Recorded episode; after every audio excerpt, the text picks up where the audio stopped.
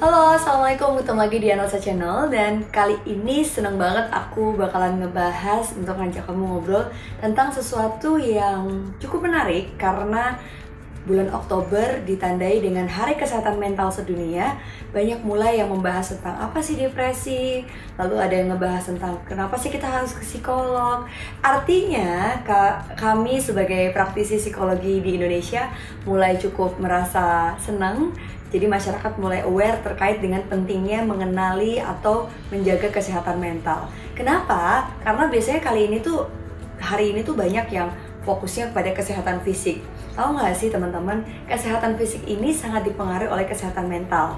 Jadi kalau teman-teman itu mulai ke dokter, periksa, ke lab, ternyata nggak ada penyakit secara fisik apa pun, tapi keluhan secara fisik itu hadir, bisa-bisa teman-teman tuh lagi ngalamin namanya psikosomatis atau somatisasi. Yang itu sangat relate banget sama gejala-gejala atau stres-stres yang muncul akibat psikologis kita.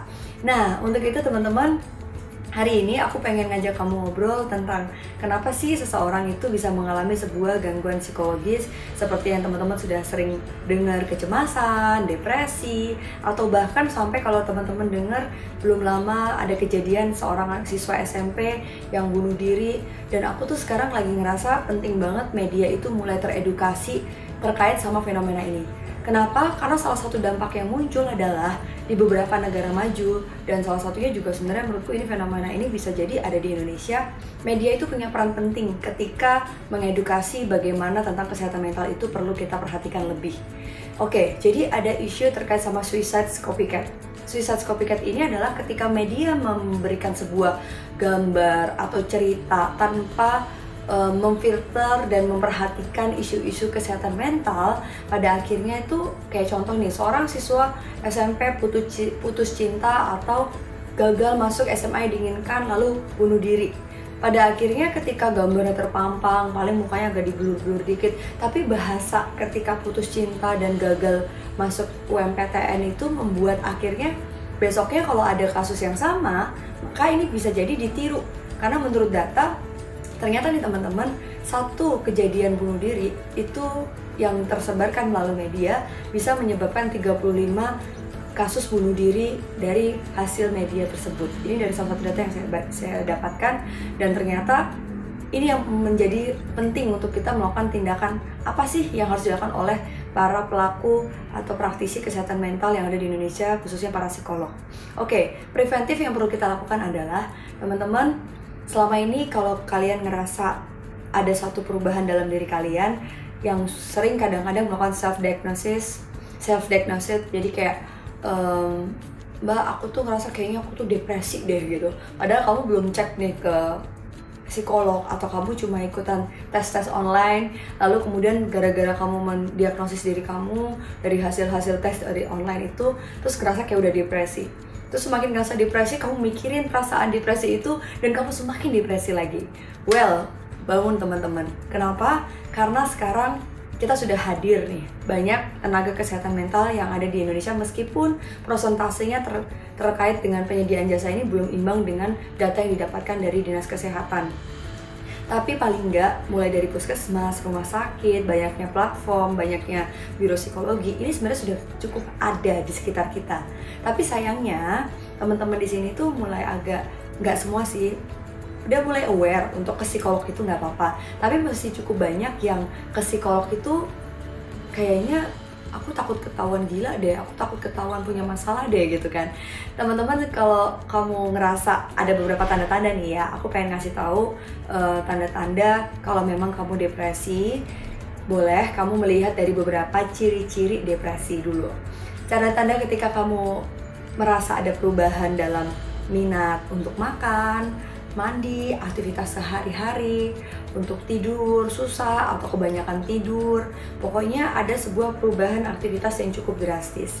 lalu ada perubahan mood yang cukup drastis yang tadinya kamu tuh jadi gampang sedih banget terus jadi kayak sering menghindari keramaian menarik diri dari lingkungan sosial merasa diri kamu yang paling gagal merasa diri kamu yang paling salah dan mungkin kamu mulai kehilangan minat terhadap hal-hal yang selama ini kamu sukai dan sampai ada pikiran untuk melakukan usaha atau upaya bunuh diri, maka bisa jadi itu tanda-tandanya kamu harus aware bahwa kamu sedang mengalami sebuah masalah psikologis atau bisa jadi tanda-tanda terkait sama bisa jadi anxiety, bisa jadi depresi karena berbeda teman-teman.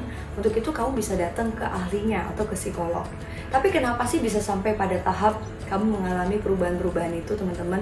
Dan apa sih bisa kita lakukan ketika kita sudah mulai ada rasa-rasa simptom ke sana tapi masih ragu ke psikolog nggak apa-apa tapi coba deh kamu cek dulu sudahkah kamu berbaik hati sama diri kamu sudahkah kamu merasa memberikan welas kasih untuk seorang diri kamu yang selama ini selalu mengorbankan kebahagiaan kamu pribadi untuk kebahagiaan orang lain dari umur seumur hidup kamu aku akan ngebahas tentang self compassion yaitu bagaimana upaya kita sebagai seorang individu yang ingin berbaik hati sama diri kita.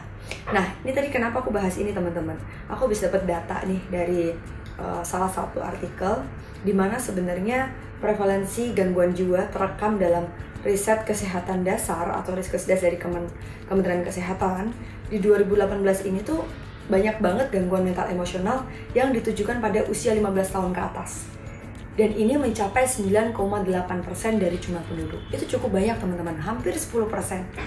Jadi kalau kita lihat di sini, remaja itu sudah mulai banyak yang mengalami sebuah gangguan mental psikologis. Oke, teman-teman di rumah, kalau kamu sekarang ngerasa ada satu simptom yang tadi saya yang aku sampaikan tadi, coba deh, apakah kamu sudah melakukan upaya-upaya ini untuk berbaik hati sama diri kamu?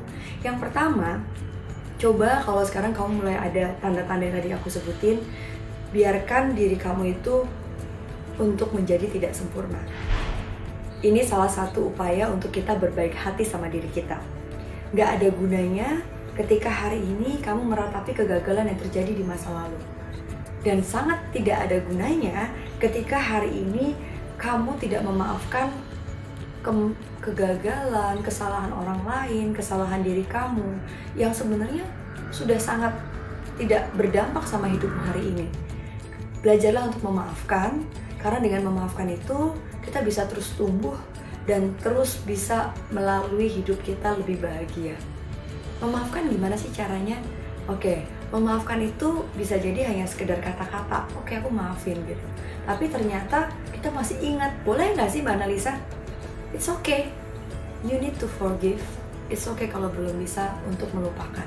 So forgive, it's okay kalau belum bisa forget. Melupakan itu nggak mudah dan itu otomat automatically uh, yang muncul ketika secara otomatis kita masih ingat sama kejadian itu. Tapi memaafkan adalah satu tahapan ketika kita bisa mulai maju untuk kehidupan kita di masa depan. Cara yang bisa kamu gunakan adalah rubahlah mindset kamu menjadi individu yang punya growth mindset. Growth mindset ini selalu menangkap bahwa setiap tantangan, setiap kesulitan, setiap kegagalan, setiap ketidakbahagiaan yang terjadi di masa lalu itu adalah sebuah cara kita untuk menemukan kebahagiaan.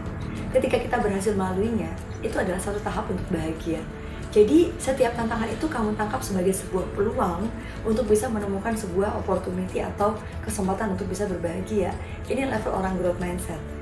Jadi misalnya nih ya, contoh nih, aduh saya ini kan nggak bisa masuk ke kampus yang saya pengenin, saya nggak bisa dapetin cowok yang saya sukain dari saya kecil misalnya, saya nggak bisa eh, nggak bisa lulus di sebuah profesi tertentu saya nggak bisa apa pun itu yang perasaan nggak bisa nggak bisa itu itu mungkin akan muncul kalimat yang membuat kamu berpikir saya kan cuma saya kan cuma contoh nih ya ketika kamu merasa gagal terhadap sebuah upaya saya kan cuma seorang ibu rumah tangga mana mungkin saya bisa membuat anak saya menjadi uh, pintar. Saya kan sibuk mana mungkin saya bisa memaksimalkan peran saya sebagai ibu saya kan cuma staff biasa mana mungkin saya bisa jadi pemimpin saya kan cuma lulusan kampus ini, mana mungkin saya bisa itu. Coba ganti saya kan cuma itu menjadi kalimat justru karena saya itu seorang wanita bekerja, sehingga saya bisa mematur waktu lebih fleksibel untuk bisa ngurus anak dan karir saya. Justru karena saya lulusan kampus ini, maka saya punya cara untuk berupaya lebih keras dibandingkan teman-teman yang masuk dari kampus ini. Jadi dengan cara itu kita punya satu cara men-trigger pikiran kita untuk melakukan upaya lebih bukan tentang hanya sekedar upaya yang sudah kita lakukan. Oke, okay? growth mindset itu penting. Yang ketiga, coba deh teman-teman, jangan-jangan selama ini kamu sering menjalin hubungan yang baik dengan orang lain, bilang terima kasih ke orang lain, tapi lupa bilang terima kasih sama diri kita sendiri. Jadi sehingga kamu lupa bahwa ada pencapaian yang sudah kamu lalui hari ini dan kamu tidak berbaik hati untuk mengucapkan terima kasih ya kamu sudah menemani aku untuk mencapai tahapan capaian ini. Percaya teman-teman, setiap orang tuh chapter hidupnya beda-beda. Ada yang udah sampai chapter berapa tapi dia tidak bahagia. Ada yang masih di chapter awal tapi dia bahagia. Yang penting itu proses, oke? Okay? Dan berikutnya coba lebih dermawan. Kalau selama ini kamu gajian untuk ngasih orang, coba deh kamu saving uang kamu dengan pinter sampai akhirnya kamu bisa lebih smart lagi mengaturnya dan membeli sesuatu yang emang selama ini kamu pengenin. Ini menjadi salah satu cara, tapi jangan lupa jangan sampai keuangan kamu tidak diatur lalu dengan alih-alih berbaik hati sama diri jadi boros ya kan? Ini jangan lupa nih nonton yang uh, segmen aku episode sama Mbak Prita. Ya sudah ada kok di YouTube channel ini. Terus yang terakhir adalah be mindful. Hidup untuk hari ini dan pikirkan hari ini dengan perasaan bahagia. Yang lalu sudahlah biarkan berlalu. Kamu akan capek ketika kepala kamu nengok ke belakang dan kamu akan capek ketika kepala kamu kamu akan ke depan terlalu jauh berbahagialah untuk hari ini, apresiasilah diri kamu untuk hari ini karena sebenarnya kebahagiaan itu datang dari sebuah perasaan yang mungkin tidak mengharapkan kebahagiaan itu.